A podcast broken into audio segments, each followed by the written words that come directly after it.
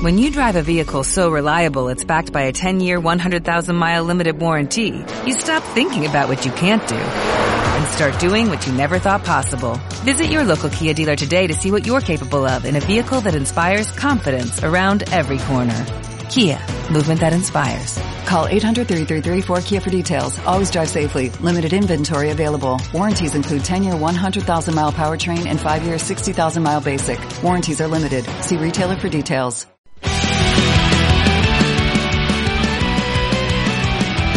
Benvinguts a Ràdio Xarxa Ebre, la que us connecta amb les reivindicacions socials de les Terres de l'Ebre. Aquí estem de nou per tratar tot el que ens preocupa amb la gent que se n'ocupa.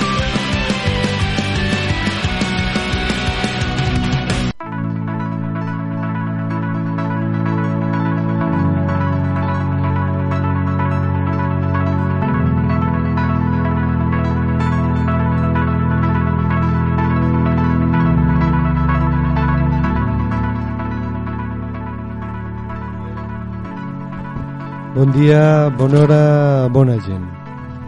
A la Falca diem que tratem tot el que ens preocupa a la gent que se n'ocupa.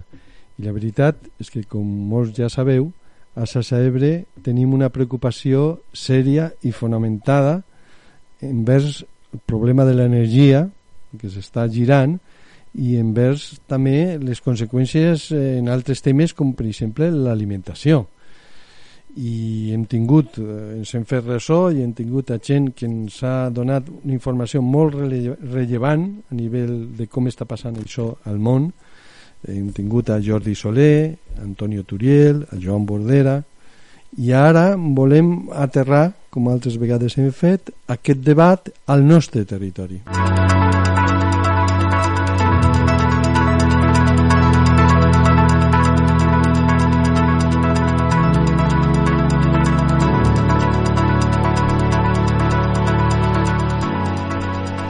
I per parlar de tot això, al nostre terreny, hem convidat al nostre estudi a Joan Cunill, tècnic mediambiental, i a Marc Poi, que ve des de l'Ateneu Cooperatiu. Per problemes d'agenda no hem pogut fer aquest debat conversa en directe, és una excepció, perquè sempre ho fem en directe, però esta vegada no ha pogut ser, no hem pogut eh, compaginar les agendes i vam fer este debat en anterioritat, no? Així que eh, per les persones que vulgueu fer preguntes o comentaris, sabeu que nosaltres estarem al cas i que li podem passar eh, les vostres eh, qüestions a, als convidats i ells s'han compromès a contestar i si així ho feu i es responen al proper programa, la setmana següent us donaríem bona compte del que ens han dit. I ara, sense més, comencem eh, en, en la gravació, la primera part de la gravació del debat que van tindre en ells, la, la que correspon a la presentació de lo que cada un d'ells fa. Doncs Joan, comencem per tu. Eh, tu has publicat un article que es diu El canvi negre per verd i ahir parles de sobirania alimentària, parles de que seria convenient reduir les despeses militars i que així tindríem diners per a portar endavant aquest tipus de projectes més locals. Vols desenvolupar una miqueta per a l'audiència el que deies en aquest article? Bé, eh, té més llargada, però en definitiva és això. La, la tasca militar, la tasca militar, els governs hi empleen molts diners i empleen menys diners en fer altres coses que serien més productives per la gent els militars eh, són els que salvaguarden aquest, eh, aquest tipus de funcionament que tenim, el, el capitalisme, i eh, són els garants del capitalisme, senzillament. I el capitalisme no fa res de bo en torn al medi ambient, és a dir, el capitalisme ho devora tot. Ens devora totes les energies que tenim primàries, ens devora eh, tot el que podríem tenir per viure bé, etc. No hi ha una confluència eh, entre estat i, i exèrcit, és a dir, l'estat va per un cantó i l'exèrcit va per un altre, pel que sembla, i llavors aquí ve tota la confusió i aquí ve tot el gasto que hi ha eh, amb tota aquesta qüestió. Però hi ha una cosa que és vital que és els alliberaments de gasos a l'atmosfera que l'exèrcit eh, en fa un pilot. És a dir, amb tots, totes les eines que tenen fa un pilot d'alliberament a l'atmosfera de gasos efecte hivernacle. Eh, hi ha una altra qüestió que és que els ajuntaments els ajuntaments i els governs haurien de eh, fer més inversions eh, de tipus local. És a dir, que ara l'exèrcit pot ser local però com que no tenim cap mena d'intervenció per exemple en pobles i això no crec que sigui viable eh, fer eh, res de bo amb aquesta gent dic que eh, s'haurien de treure exèrcits, és evident, no els necessitem per res, i els diners podrien anar redistribuïts amb altres qüestions de justícia social, de més igualitat, de més... En fi, eh, es podria repartir una mica més tota la, tota la, la, la gamma pressupostària que tenen eh, i que gasten molt a on volen i molt poc a on necessitem. Uh -huh. Has fet uh, recentment un altre article que li dius ordenar la transició, la transició energètica, s'entén. I, bueno, per això, lligant el que abans te deia de la sobirania alimentària, tu hi parles de que hauria de ser una transició democratitzada i municipalitzada. Sí, aquesta transició ara mateix s'està fent desordenadament aquí a Catalunya, per exemple. A Catalunya només està regulat les línies d'alta tensió, la que volien fer des de, em sembla que és des de l'Aragó, que travessava tot Catalunya i anava a parar a dalt a l'Empordà. Aquesta és l'única que van regular, perquè van veure que això seria un caos. Havien de passar per finques, havien de passar per tot, havien... en fi, van regular, la Generalitat va regular aquesta, però no hi ha cap mena de regularització per lo de més. És a dir, eh, un empresari vol fer una planta de compostatge, mira el mapa de Catalunya i diu, bueno, a mi m'interessaria aquí, doncs, bueno, van anar allà, i en allà, si l'Ajuntament els hi deixa fer, doncs allà la fan. Però clar, què passa amb això? Com aquí tenim a la comarca del Montsià, aquí eh, a, la, a, les, a les planes, no? Són les planes, a Santa Bàrbara i tot això d'aquí doncs que se n'hi posa una, com que això té un efecte crida, eh, aquell empresari coneix un altre empresari, li diu, tu, vine cap aquí, que aquí ho tenim clar, aquí podem posar tot el que vulguem. Se n'hi posa un altre, un altre, un altre, un altre. Hem vist aquí, per exemple, no hi ha Santa Bàrbara, sinó la Galera, que té la planta biogàs. Exactament igual. Ara en volíem muntar un altre. No sé en quin punt de la, de la comarca, però també en allà per tant, això és el que s'ha d'ordenar. S'ha de fer un llibre blanc de Catalunya, s'ha de fer treball de camp i s'ha de dir, bueno, aquí quina energia necessitem, en aquests pobles què es necessita, en allà què es necessita. La eòlica on pot anar? Perquè clar, ara ens trobem amb el mateix problema amb la eòlica. La eòlica, per exemple, està en l'Alt Empordà i hi ha eòlica per parar un tren. Bueno, ja sabem que hi ha molt de vent i molt d'això, però no pot ser tot en allà la que necessitem, és a dir, s'ha de distribuir i es podria distribuir però hi han molts factors que s'han de tenir en compte molts factors, per exemple, naturals hi ha puestos que no es poden fer perquè estan a dintre la xarxa natura per exemple. Llavors, què passa? Que hi ha una biodiversitat i aquesta biodiversitat, amb els eòlics, per exemple, les aus, són morts, són mortes. Però hi ha una altra qüestió que a mi m'agradaria recalcar, que és que el que parlàvem del Sol Brai, de Pinell de Brai, mm -hmm. l'Eva Amposta va fer una proposta eh, molt, molt valenta eh, de, de voler posar la, la d'allò, i està molt bé, jo no estic pas en contra, eh, està molt bé. Però hi ha d'haver-hi una segona part, és a dir, la segona part pedagògica. Està molt bé posar plaques fotovoltaiques, està molt bé posar plaques eh, molins eòlics, està molt bé fer centrals hidràuliques, però hi ha d'haver-hi la segona part, que és per mi molt important, que és adreçar-nos a la ciutadania i dir-los de quina manera han de gastar aquesta energia. És a dir, no podem gastar com, com si fóssim, bueno, aquí no passa res, en tindrem sempre... No, hi ha d'haver-hi un gasto regulat i aquest gasto regulat s'ha de fer mitjançant pedagogia, és a dir, s'ha d'anar explicant als, als ciutadans que tenim aquesta energia però que aquesta energia no es pot gastar així com així, és a dir, hi ha d'haver-hi un tope de consum, no es pot llançar, en fi, el que es fa amb l'aigua. L'aigua, veuràs gent que renta els cotxes amb aigua de boca. Això és un crim, això és un crim, per a mi és un crim. Mm -hmm. Rentar els cotxes amb aigua de boca, o un cavall, per exemple, jo he vist rentar cavalls, es pot fer amb aigua reciclada, tampoc hem d'anar a buscar aigua de boca Mm. Bueno, i aquesta és la situació. Gràcies, Joan. Marc, mm, precisament per lo que comentava mm, ara eh, Joan, per una banda eh, tenim lo de la cooperativa Solbrai, mm. que es va presentar a la Fira Àgora, que va ser fa poc a Uldecona, però jo volia que ens ajudessis com part de l'Ateneu Cooperatiu que ets eh, i que és part de l'organització, part fonamental de l'organització d'aquesta fira, com, repassant una mica en tu com ha anat la, la, esta activitat. Precisament mm, Sergi Saladier, que era moderador de, de la primera de les taules, que ha estat també entrevistat per aquest programa, ens parlava de bases per una transició justa i democràtica. Això tindria relació en el que explicava Joan fa un moment, de, de ordenar la transició de manera democràtica i municipalitzada. Com ho veus? Com ho va dir Sergi? Sí, Mira, el Sergi comentava justament això, de dir que ara ja no es discuteix que la transició energètica és una necessitat, per tant tothom té clar. El tema és com fem aquesta transició energètica, perquè la transició energètica es pot plantejar com canviem una tecnologia per una altra, hasta ara tenim centrals tèrmiques nuclears i ho canviem per grans centrals renovables però seguint un mateix model centralitzat, o es pot fer en un model descentralitzat i, i, i a veure qui és el propietari d'aquestes instal·lacions.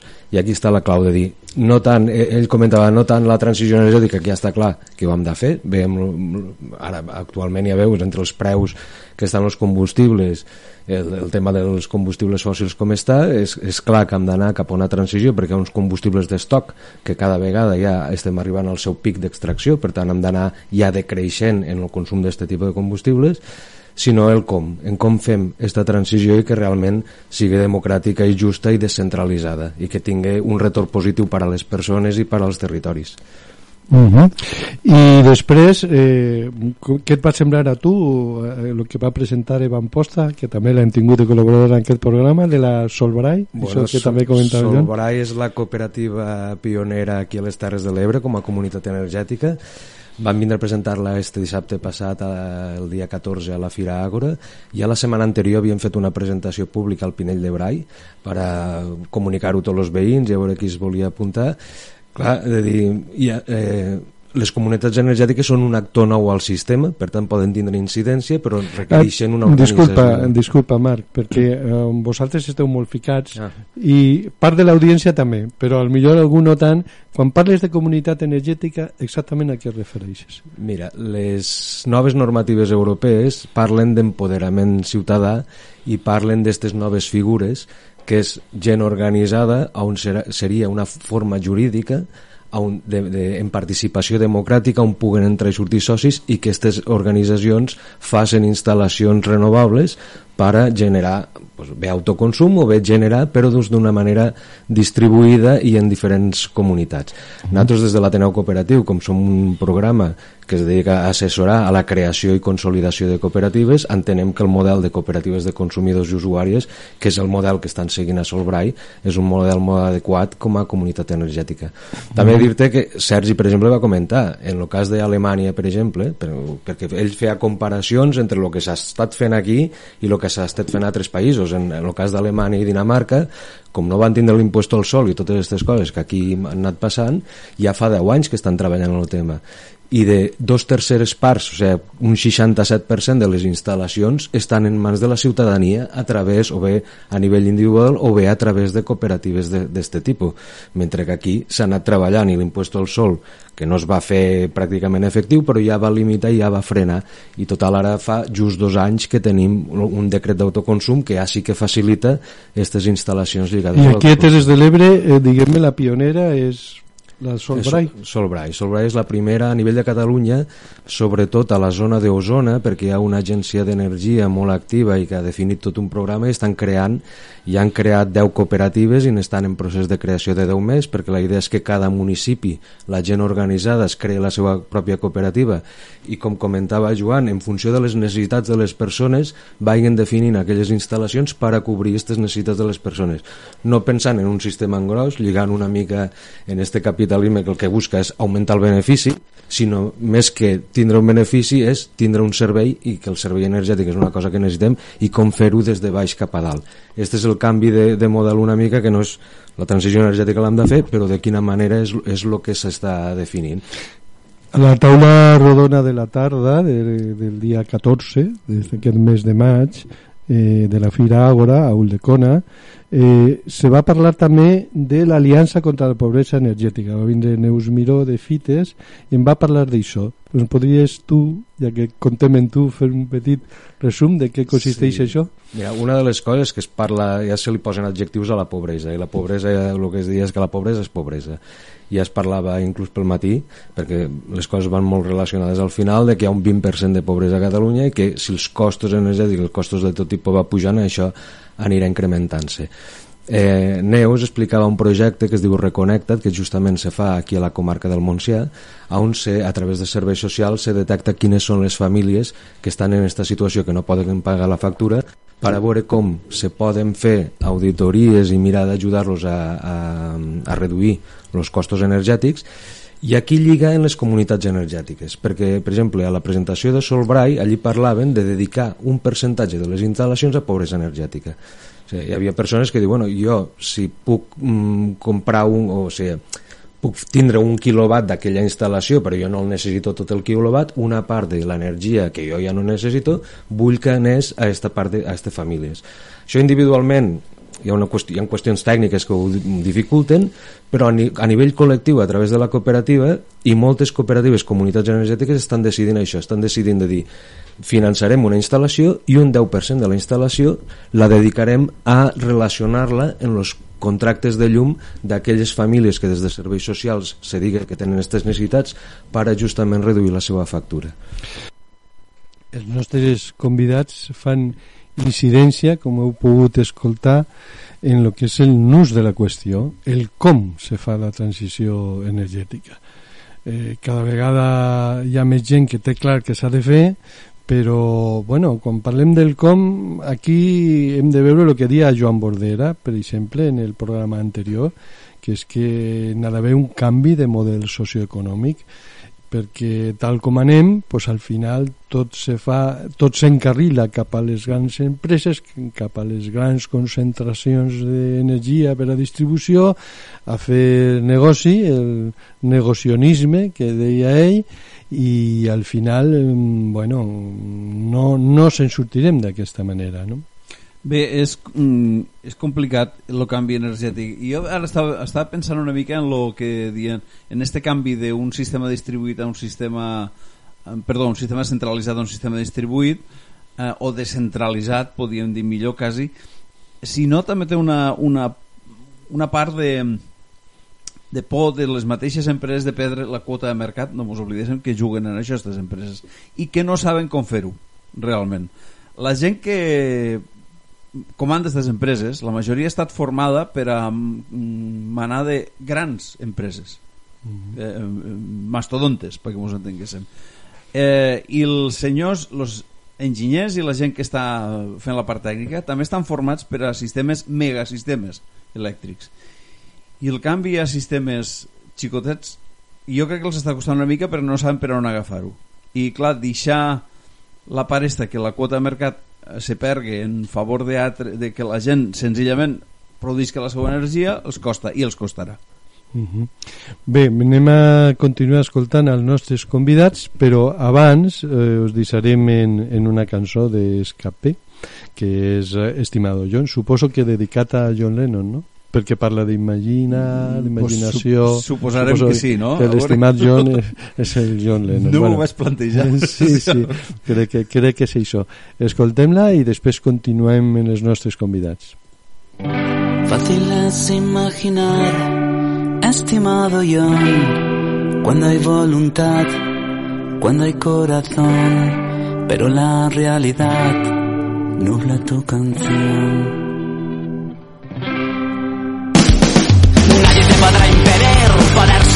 Te arrebatarán poder crear.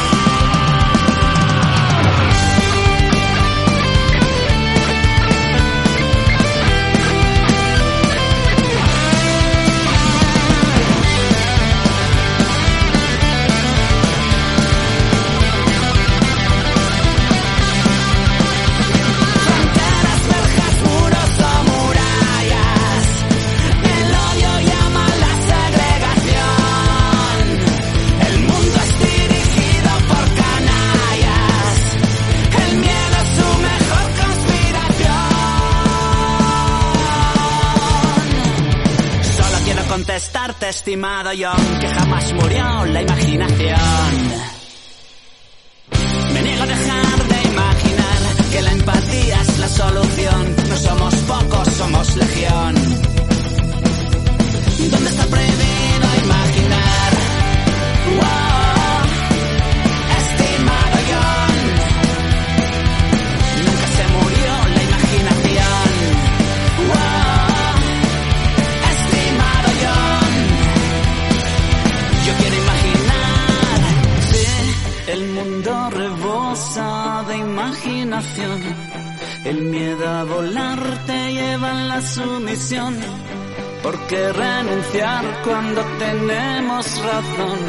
Se llama utopía la solución.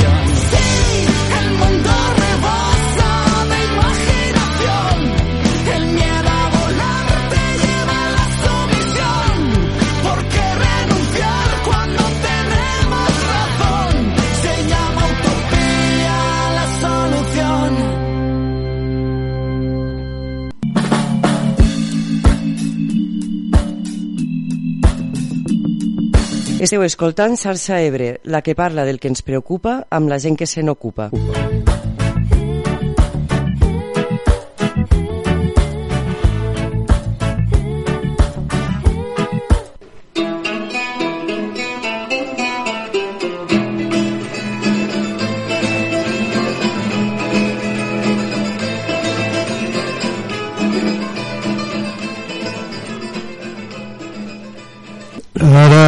comencem el debat, encara que podríem dir-ho més bé diàleg, perquè crec que entre vosaltres dos hi ha molts punts de coincidència, entre comptant en, en Marc Poi, de l'Ateneu Cooperatiu de les Terres de l'Ebre, i en Joan Cuní, tècnic superior mediambiental. Vale, jo vos vull, en primer lloc, eh, llançar aquí, posar sobre la taula, diguem-ne, eh, un tema que hem sentit en un programa anterior, eh, fa dos programes anterior al que avui estem que Jordi Soler eh, i Oller que, que va estar convidat a una xerrada de debat ens va parlar de decreixement. Voldria saber la vostra opinió sobre el decreixement en primer lloc.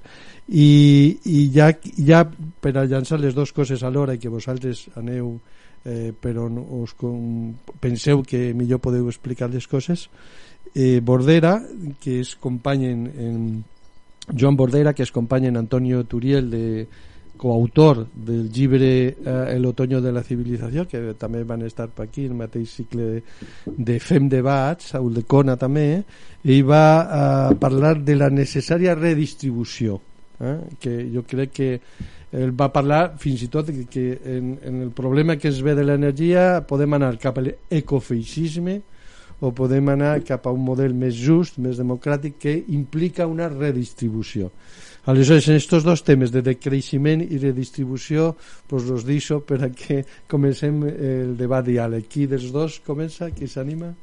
Bueno, jo, el tema del decreixement és que és inevitable. O sigui, si mirem una mica els combustibles fòssils, hem de pensar que del total de l'energia que consumim, el 50% és pel transport i este transport majoritàriament, tot i que hi ha cotxes elèctrics però encara és molt minoritari, majoritàriament són combustibles fòssils.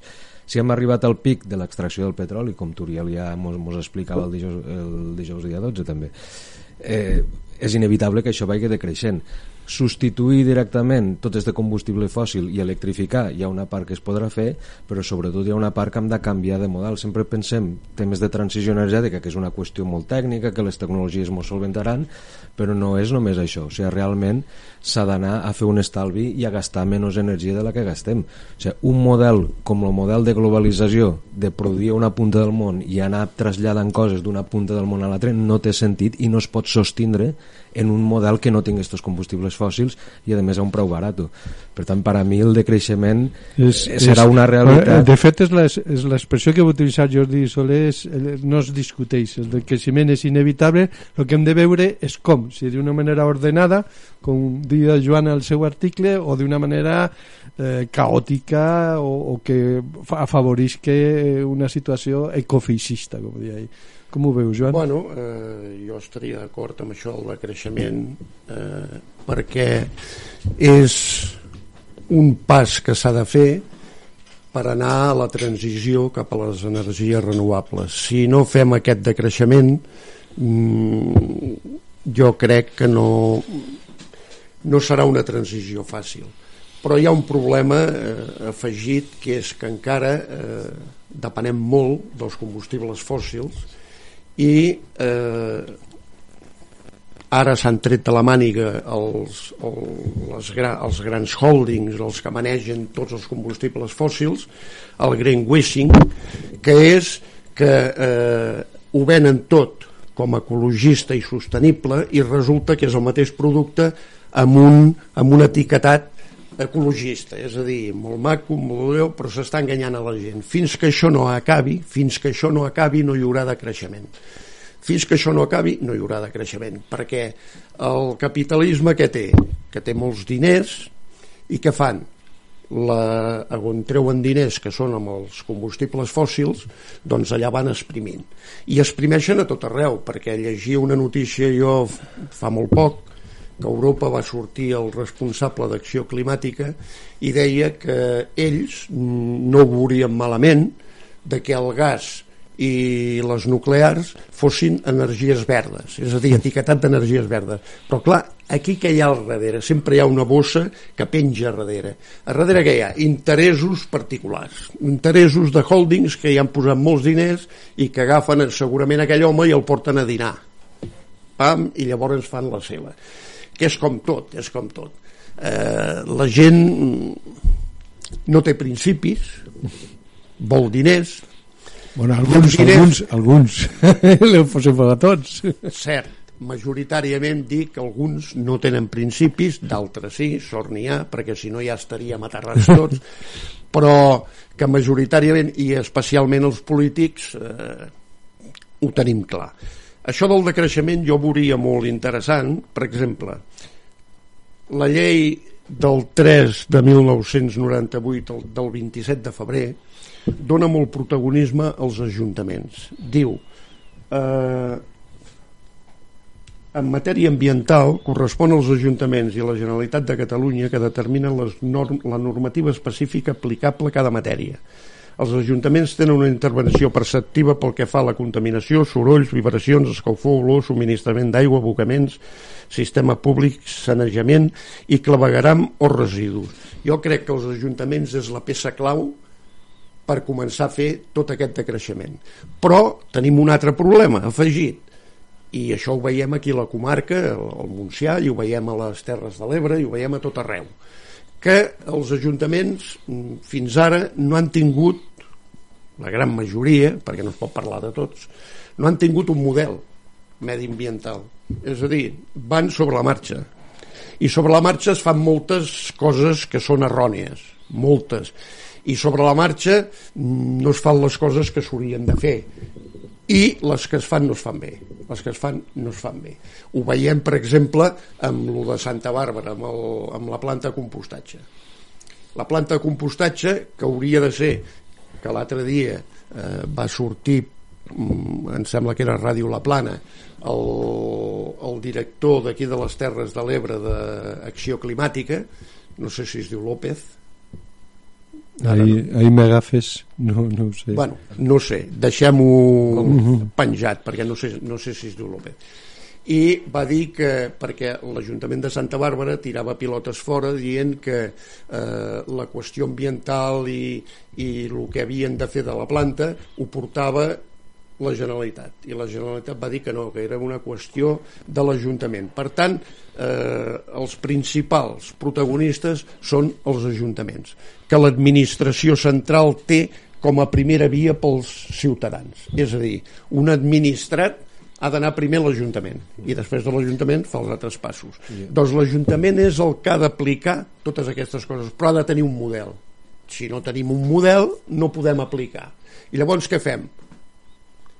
el libre albedrío sí. apliquem el que ens passa pel, jo, Joan, pels nassos en això que comentes de, de, tot, de lo local una mica recordar també, i lligant lo de creixement i el que parlava Turiel, ja fa 50 anys, quan l'informe del Club de Roma, inclús antes, ja es veia la perspectiva esta de que els combustibles fòssils si recordem a l'any 92 a Rio de Janeiro es parlava de pensar globalment i actuar localment sí. han passat 30 anys i han perdut 30 anys sí. I, ara tot és, i ara tot és urgent i tot sí. és urgent perquè en 30 anys només han fet operacions de maquillatge greenwashing, fer veure que fem alguna però sense acabar de fer res perquè justament no s'ha qüestionat la, la raïl del problema i la raïl del problema és este sistema capitalista que el que busca és el benefici desmesurat sense importar com anem consumint els actius que tenim, que són aquells recursos naturals i com tot aquest sistema s'ha pensat que està per damunt del sistema natural i de la biosfera. O sigui, tot això és el qüestionament clau. I, però tornar a pensar globalment i actuar localment, ara estem en estes estem en actuar localment, o sigui, realment les solucions no, són, no hi ha solucions màgiques des de dalt no. que ningú d'allò per, per això de dir, a nivell europeu i tal s'acaba anant a grans empreses perquè és el que saben fer és en qui tenen els contactes és en qui ens troben i és el que habitualment el business as usual han anat fent. Bueno, ens reunim, però ara no hi ha la, la solució. Això ha d'anar des de la solució local. I està la solució local una mica les, co les comunitats energètiques i el format cooperatiu justament busca això de dir com ens organitzem localment com ajuntaments tan valents com el del Pinell de Brai que diu no, jo ah, facilito, ajudo a crear una cooperativa però aquesta cooperativa estarà en mans dels ciutadans perquè un soci un vot. Per tant l'Ajuntament podrà ser un soci més però, de ser, però en aquesta idea de transformar el model de, des, des d'una altra perspectiva. I, i, i si, vols, eh, si voleu entra un tema nou que va lligat en això, els fons Next Generation que para el govern hi ha mils de milions que després acabarem tornant en impostos. Ja veiem també, això podríem entrar en el tema també dels impostos, si el que digui la Constitució, si són a veure qui paga impostos, si les rentes o el capital a veure les empreses com cada vegada. Mm, pues mira, eh, Marc ja que dius lo del Next Generation perquè precisament el tema que llançava pel que advocava Joan Bordera de la redistribució té molt a veure en això. A veure, estos fons on van anar a parar? Les grans empreses que tenen aquests models de fer grans concentracions d'energia, encara que en altres tipus d'energia, però concentracions d'energia per tindre'ls el monopoli i després distribuir-ho, o eh, estos fons, o gran part d'estos fons, van arribar a projectes locals. Això sí, nosaltres des d'aquest programa sempre hem defensat que ha de ser projectes locals però ensarçats d'alguna manera perquè si no ens fragmenten i és més difícil tirar endavant si estem fragmentats però sí, eh, aleshores què, què en penseu d'això? Mira, mira, si Repsol en el tema de l'hidrogen verd ells necessiten hidrogen i si la Unió Europea en estos fondos los hi paguen esta producció d'hidrogen verd i ells se poden posar l'etiqueta de verd i els han pagat la festa després qui, tra qui traurà el benefici d'això serà Repsol o seran aquestes empreses estos mateixos diners dedicats a comunitats energètiques que facin instal·lacions diverses instal·lacions de 100 quilowatts i que després això vagi reduint a, a, a cents de persones el seu consum energètic, estàs redistribuint. O sigui, estàs posant uns diners en unes instal·lacions que farà baixar el cost energètic perquè hi haurà una part d'autoproducció d'energia en aquestes comunitats locals. Mm -hmm. Clar, en una cosa, els governs i tal han de parlar s'han de parlar entre quatre Mm. En l'altra cosa són cents de persones que necessita una organització i que això és una part que hem de començar a creure. És a dir, nosaltres el lema de la Fira Àgora era l'energia a les nostres mans. Si no volem que l'energia estigui a les mans dels de sempre i volem que estigui a les nostres mans, ens hem d'informar, ens hem de formar i ens hem d'organitzar. Mm -hmm. I això implica pues, una, un activisme, un dedicar-hi temps i un, orga, un organitzar-se, com tu dius, en xarxa. Ens hem d'organitzar a nivell local, però després entre les diferents comunitats que es vagin creant, que nosaltres a l'Ateneu parlem de comunitats energètiques i comunitats de vida, perquè podem mm. començar amb el tema energètic que després va relacionat amb el tema alimentari també, perquè també té, és que tot e, és sistèmic, tot té que veure en tot mm -hmm. és dir, perquè l'alimentació ara és, de la manera que es produeix ja els fertilitzants que tenen molt de consum energètic el transport, o sigui, que tot té relació i estem en aquesta transició que tot està com molt caòtic, tot està ballant i no sabem ben bé què està passant perquè hem de veure el dibuix més holístic, més sistèmic, si no no entenem el que està passant, evidentment. Joan, volies afegir? Sí, sí, eh de manera global estic d'acord amb ell i el que passa és que costarà molt arribar aquí fins que no es desmunti fins que no es vagi cap a una transició que se la creguin els de dalt, els que ara són, tenen els grans holdings. Per què? Perquè això que deies de la redistribució dels diners, això passa amb la PAC. La PAC arriben molts diners aquí i on van a parar? La política agrària comú. Van a parar, van a parar amb els que no eh, conruen la terra és a dir, un tio que està allà eh, a casa seu, tombat al sofà, però que té un, un munt d'hectàrees, d'oliveres, però que no les conrua, però ell cobra mm -hmm. dos o tres milions a l'any i aquí és el mateix de sempre. Els petits, els que estem a baix, ens anem carregant tot i els de dalt van vivint la seva festa. Fins que això no puguem canviar-ho, fins que això no ho tirem a baix, això no canviarà. I la peça clau són els combustibles fòssils. Els combustibles fòssils fins ara són la sang de tots els mercats econòmics. Aquí on t'entra diners? Amb els combustibles fòssils. No hi ha volta de full. I fins que això no canvi, és clar, costa molt. Si a tu t'entren una porrada de diners al mes, costa molt de dir, bueno, ara no els vull. No, no, no. Eh, lluitaran fins a la mort perquè els tenen en allà i els volen però això al final s'ha de canviar perquè eh, el model que tenim és un model caduc. I això està clar. Això d'anar gastant eh, anar gastant i eh, així desenfrenadament anem, anem gastant, anem llançant anem gastant, anem llançant els recursos naturals es van acabant, per tant acabarem eh, com el Rosari i l'Aurora. I suposo que la gent que està a dalt que volen fer molts diners, que són com són, però tindran una mica de cervell de dir, home, eh, tu no podem acabar amb tot això, perquè si anem donant, anem llançant, anem fent abocaments a l'atmosfera de, de gasos d'efecte hivernacle, al final potser no respirarem, i el diner no el respirarem, eh? vull dir que per molt diner que tinguem no el respirarem. Per tant, el model és el que s'ha d'anar eh, a trencar, a fer un canvi de model. Però com es fa aquest canvi? És clar, aquí hi ha l'altre problema, com es fa aquest canvi? Jo no he sentit foros i debats que em diguin a nivell global com s'ha de fer aquest canvi. Perquè, clar, molts diuen això és claríssim i, i ho deixen anar i es queden tan amples. Eh, per exemple, centrals nuclears. Ara van eh, allargar 10 anys més les centrals nuclears. Molt bé. Molts diuen, bueno, això no hi hauria problema, tanquem i ja està. Bueno, no, tanquem no, i la gent que hi ha dintre treballant, què en fem? Ja. És que, clar, eh, aquí hi ha molts factors que la gent a vegades no els pensa, però són així. Què s'ha de fer? Doncs ja hi hauria d'haver una previsió, cosa que no hi ha. Per què? Perquè ara dona molts diners, les centrals nuclears, per exemple, a l'Escó, em sembla, vaig veure unes xifres i donava, pff, no ho sé, un merder de milions al mes indescifrable eh, clar doncs llavors què passa? Que, que, que bueno, el model no, no, no, no pot seguir així. No, no ho tenim, ho tenim clar que no pot seguir així. Per l'altra banda, el que ha dit ell que jo crec que això sí que s'ha de repetir és que els ajuntaments facin pedagogia que no es pot malgastar.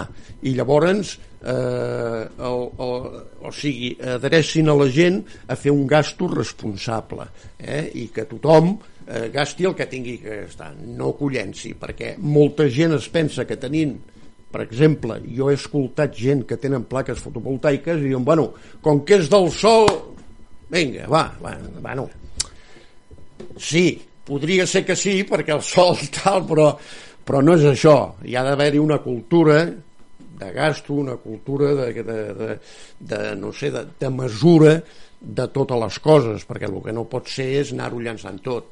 Mm, això no pot ser entraríem, amb això del llançar, amb l'economia circular. Per exemple, l'economia circular, allò que has dit tu de la... no sé com ho has fet anar. La distribució? No, no. de reciclatge, no sé a què et refereixes ara mateix. No sé, has, has parlat d'alguna cosa que a mi m'ha donat a entendre que era l'economia circular. Bueno, sí, sí, està, està molt relacionada. L'economia sí, sí. circular és fantàstica. No es llença res, es recicla tot. Però clar, aquí encara no hem arribat a això perquè aquí som, anem de senyors ui, reciclar això no, que va, ja en compraré un de nou no, eh, això s'ha d'acabar o sigui, el, eh, el que és eh, el llançar consumir sense que hi hagi fre això s'ha d'acabar. S'ha d'acabar perquè si no no farem res. Heu parlat els dos de formació i de pedagogia. De vegades eh, surt el tema de que, per exemple, caldrien més instal·ladors d'energies renovables i que no tenim gent prou formada al territori que pugui donar suport. Per exemple, eh, quan parlava Neva Amposta del Sol Brai, resulta que és una, els instal·ladors han vingut d'una cooperativa de Barcelona. És a dir, no, no tenim al territori suficient gent és a dir, no s'hauria de fer, jo què sé, cicles formatius de formació professional, no s'hauria d'estimular des del territori que puguin formar els nostres propis instal·ladors que s'organitzen en cooperatives. Com ho, com ho sí, veus? Això és, un, és com diu ara el tema de la planificació, que diràs que este país mos és impossible planificar, Clar, la transició energètica implica moltes instal·lacions noves en renovables. Sí que és cert que instal·ladors a nivell local s'han anat, clar, si és un foco de faena i tens clients que et demanen això, doncs se van posant, però per exemple, eh, parlant amb una professora de, de cicles formatius, dia que tenien un dèficit d'alumnes i diu, en temes d'estos, en, te, en temes que saps que en els pròxims anys és, és quan hi haurà demanda de faena i resulta que no tenim alumnes, aquí hi ha un desacople entre com, com, com vivim en el caos que a ningú sap, de dir la gent jove ja, de dir no sabem el què però sí que és cert que s'hauria de, de fer com a mínim fer esta, esta certa planificació de dir, bueno, quin tipus de feines hi haurà, on hi haurà demanda per a fer una crida als, als que volen estudiar o a fer formació o inclús a través de gremi d'instal·ladors és a dir, formació de reciclatge d'instal·ladors per a que s'especialitzen també en això. temes així. Bé, són, són temes eh, molt interessants i molt complexos també i estem parlant-nos en gent que ho viu amb molta intensitat però el temps malauradament va com va i ara jo voldria donar-vos a cada un, un minut o dos perquè digueu la cosa final que penseu que no s'ha de deixar sense dir que vols, Joan? Bé, eh, jo per acabar voldria dir que el medi ambient per mi és vida, és salut, és economia, és benestar. Hi ha tota una sèrie d'adjectius que podríem posar, però sobretot és responsabilitat. La responsabilitat que tenim cada un en el medi ambient, perquè molts diuen oh, és que és clar, jo sol aquí no puc fer res. No, això no és veritat. Cada un pot fer, pot posar el seu granet de sorra i com que som molts, perquè no som els que estem a dalt de tot, que són quatre, som milions, doncs cada granet de sorra compta. I per tant voldria apel·lar la responsabilitat de la gent amb tot, amb els residus amb, amb el gasto amb el menjar, amb tot. Vull dir que la responsabilitat de la gent és vital. I aleshores també una altra qüestió, i és de que aquesta responsabilitat comporta que si en algun moment hi ha alguna cosa que ens sembla que no estigui bé, sortir al carrer i denunciar-ho, que això és lo vital, això és lo vital perquè la gent de dalt vegi de que no estem parats, de que no som tontos, de que ens adonem de les coses i per tant som en allà com un granet al cul, com diuen, per, per anar tocant la fibra perquè ens arreglin tot el que no estigui bé. Eh, Marc? Pues jo, per acabar, dir, veure, faria com una reflexió.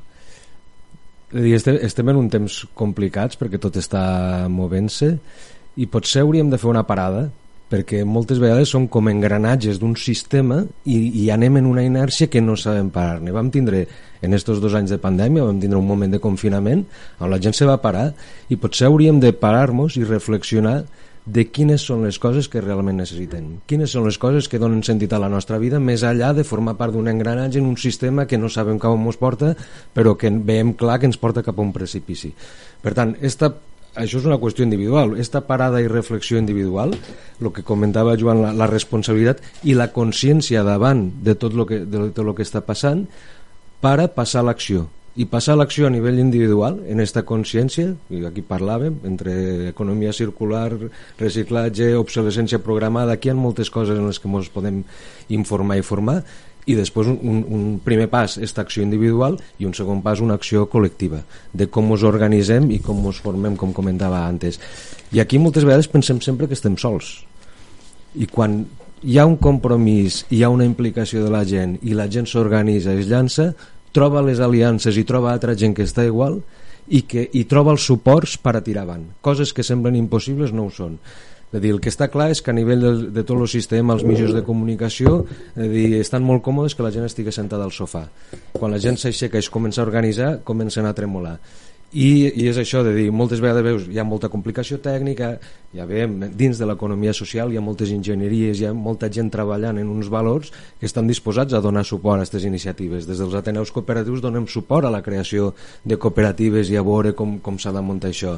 Hi ha cooperatives ara, hi ha programes com Som Energia que des d'una comercialitzadora ja forma part d'aquest sector elèctric poden donar suport a través dels grups d'accions locals. O sigui, donar-nos en compte d'això fer aquesta reflexió este, esta presa de consciència de responsabilitat de quines són les nostres necessitats i passar a l'acció individual i col·lectivament sabent que no estem sols. Precisament crec que heu aportat elements per la reflexió de la nostra audiència. Moltes gràcies a tots dos.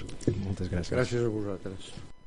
Fins, fins aquí el debat en els nostres convidats i ja sobre el que estaven dient ells precisament una dada que voldria afegir Eh, és una dada que ve en l'informe del World Inequality Lab de 2022, eh, el Laboratori de Desigualtats Mundials.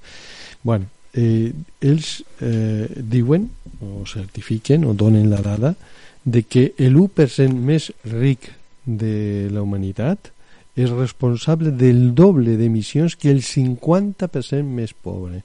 És a dir, només un 1% el doble del 50%.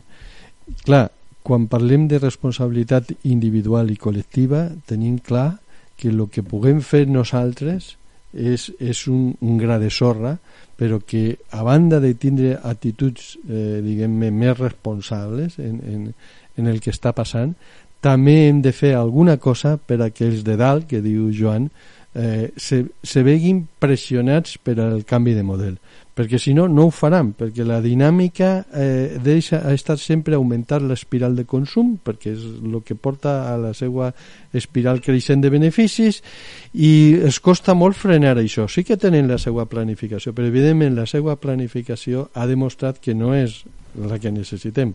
Haurem de fer canvis i no només eh, conformar-nos en una actitud coherent a nivell individual, sinó, com diu Marc, passar a una acció col·lectiva que pressione també a institucions i als de dalt, en general, a este 1% responsable de la major part de les emissions a que canvien d'actitud, perquè si nosaltres anem canviant un poquet o no tan poquet i no aconseguim que estos grans despilfarradors eh, realment eh, canvien d'actitud, pues no se'n sortirem, no? Juan Carlos, com ho veus tu?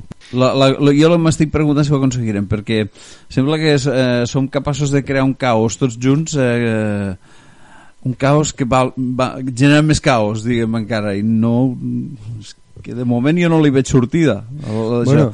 de replantejar moltes coses que es donen per, per fetes, inèrcies que, que hem estat que és la paraula que diria que plana per, tota la, per tot el programa unes inèrcies molt molt, molt pesades que, costen, que costarà molt de frenar o de canviar de direcció no sé. Sí, sí, sí, com diem en el, el debat, la xerrada que, que vam tenir en Antonio Turiel i Joan Bordera, que va ser la base del programa anterior, que els que no heu escoltat ho podeu trobar a sarsaebre.net o a l'e-box de Xarcebre o, al sí, sí. Eh, al final eh, s'hem de guanyar la primavera ara ve una tardor, pot ser un hivern i després, si no mos posem les piles, no guanyarem la primavera. Eh, eh, és, això ho hem d'aconseguir entre tots. De moment, eh, ens hauríem d'anar a la clínica de desintoxicació per a desintoxicar-nos del petroli.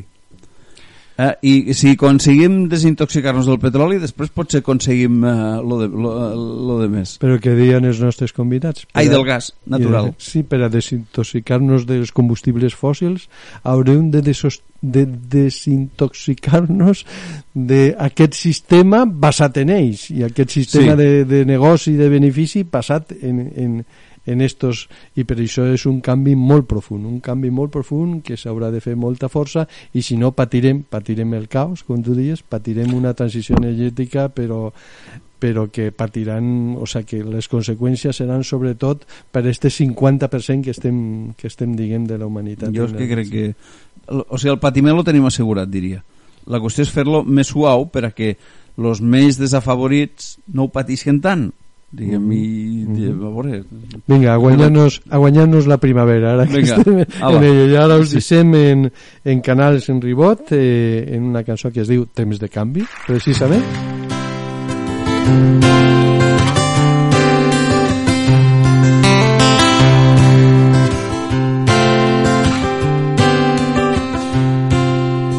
Avui farem un passeig per totes aquelles cançons que van venir i d'altres que vindran i que ja no podràs compartir amb mi ni cantar amb mi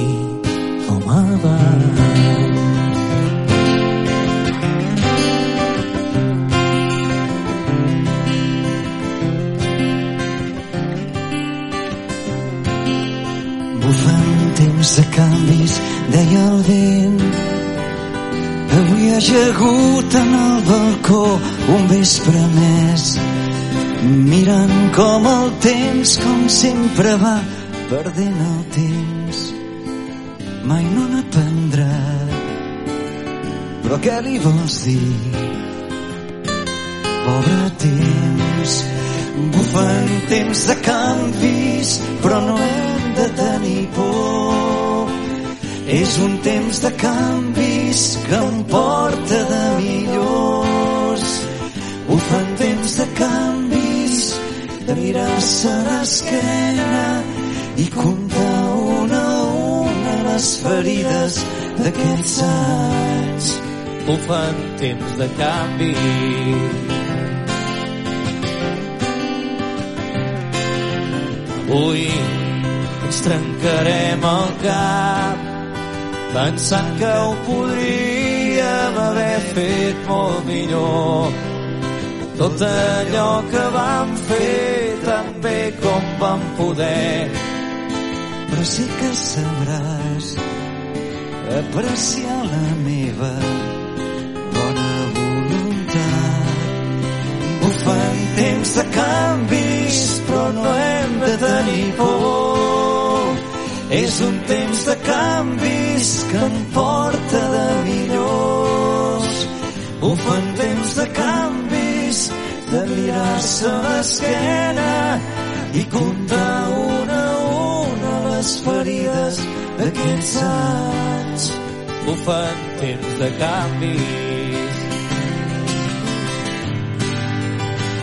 per tu i jo. Bé, hem arribat al final d'aquest debat 38 de Salsa Ebre. Per la nostra part volem agrair a Joan Coní, tècnic mediambiental, a Marc Poi, de l'Ateneu Cooperatiu de les Terres de l'Ebre, de la part de l'equip de Salsa Ebre, nostre tècnic, Juan Carlos Fibla, i jo mateix, Vicent Prunyonosa.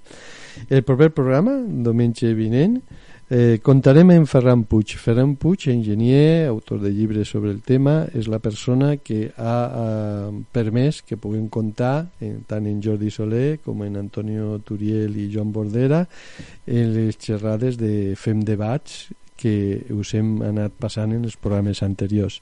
I els ens ajudarà a comentar-les, a comentar també una proposta que ell té i a parlar d'un tema relacionat, que és eh, l'alimentari, que ja ha sortit en el debat. És a dir, l'energètic porta l'alimentari i a les possibles reaccions i a com podem guanyar esa, esa primavera de la que parlarem.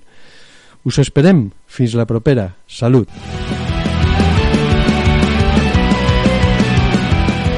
T'esperem a la propera emissió de Xarxa Ebre. Ens trobaràs al WordPress, al Gmail, Facebook, Twitter i a l'Ivox. Sempre amb aquesta etiqueta, Xarxa Ebre.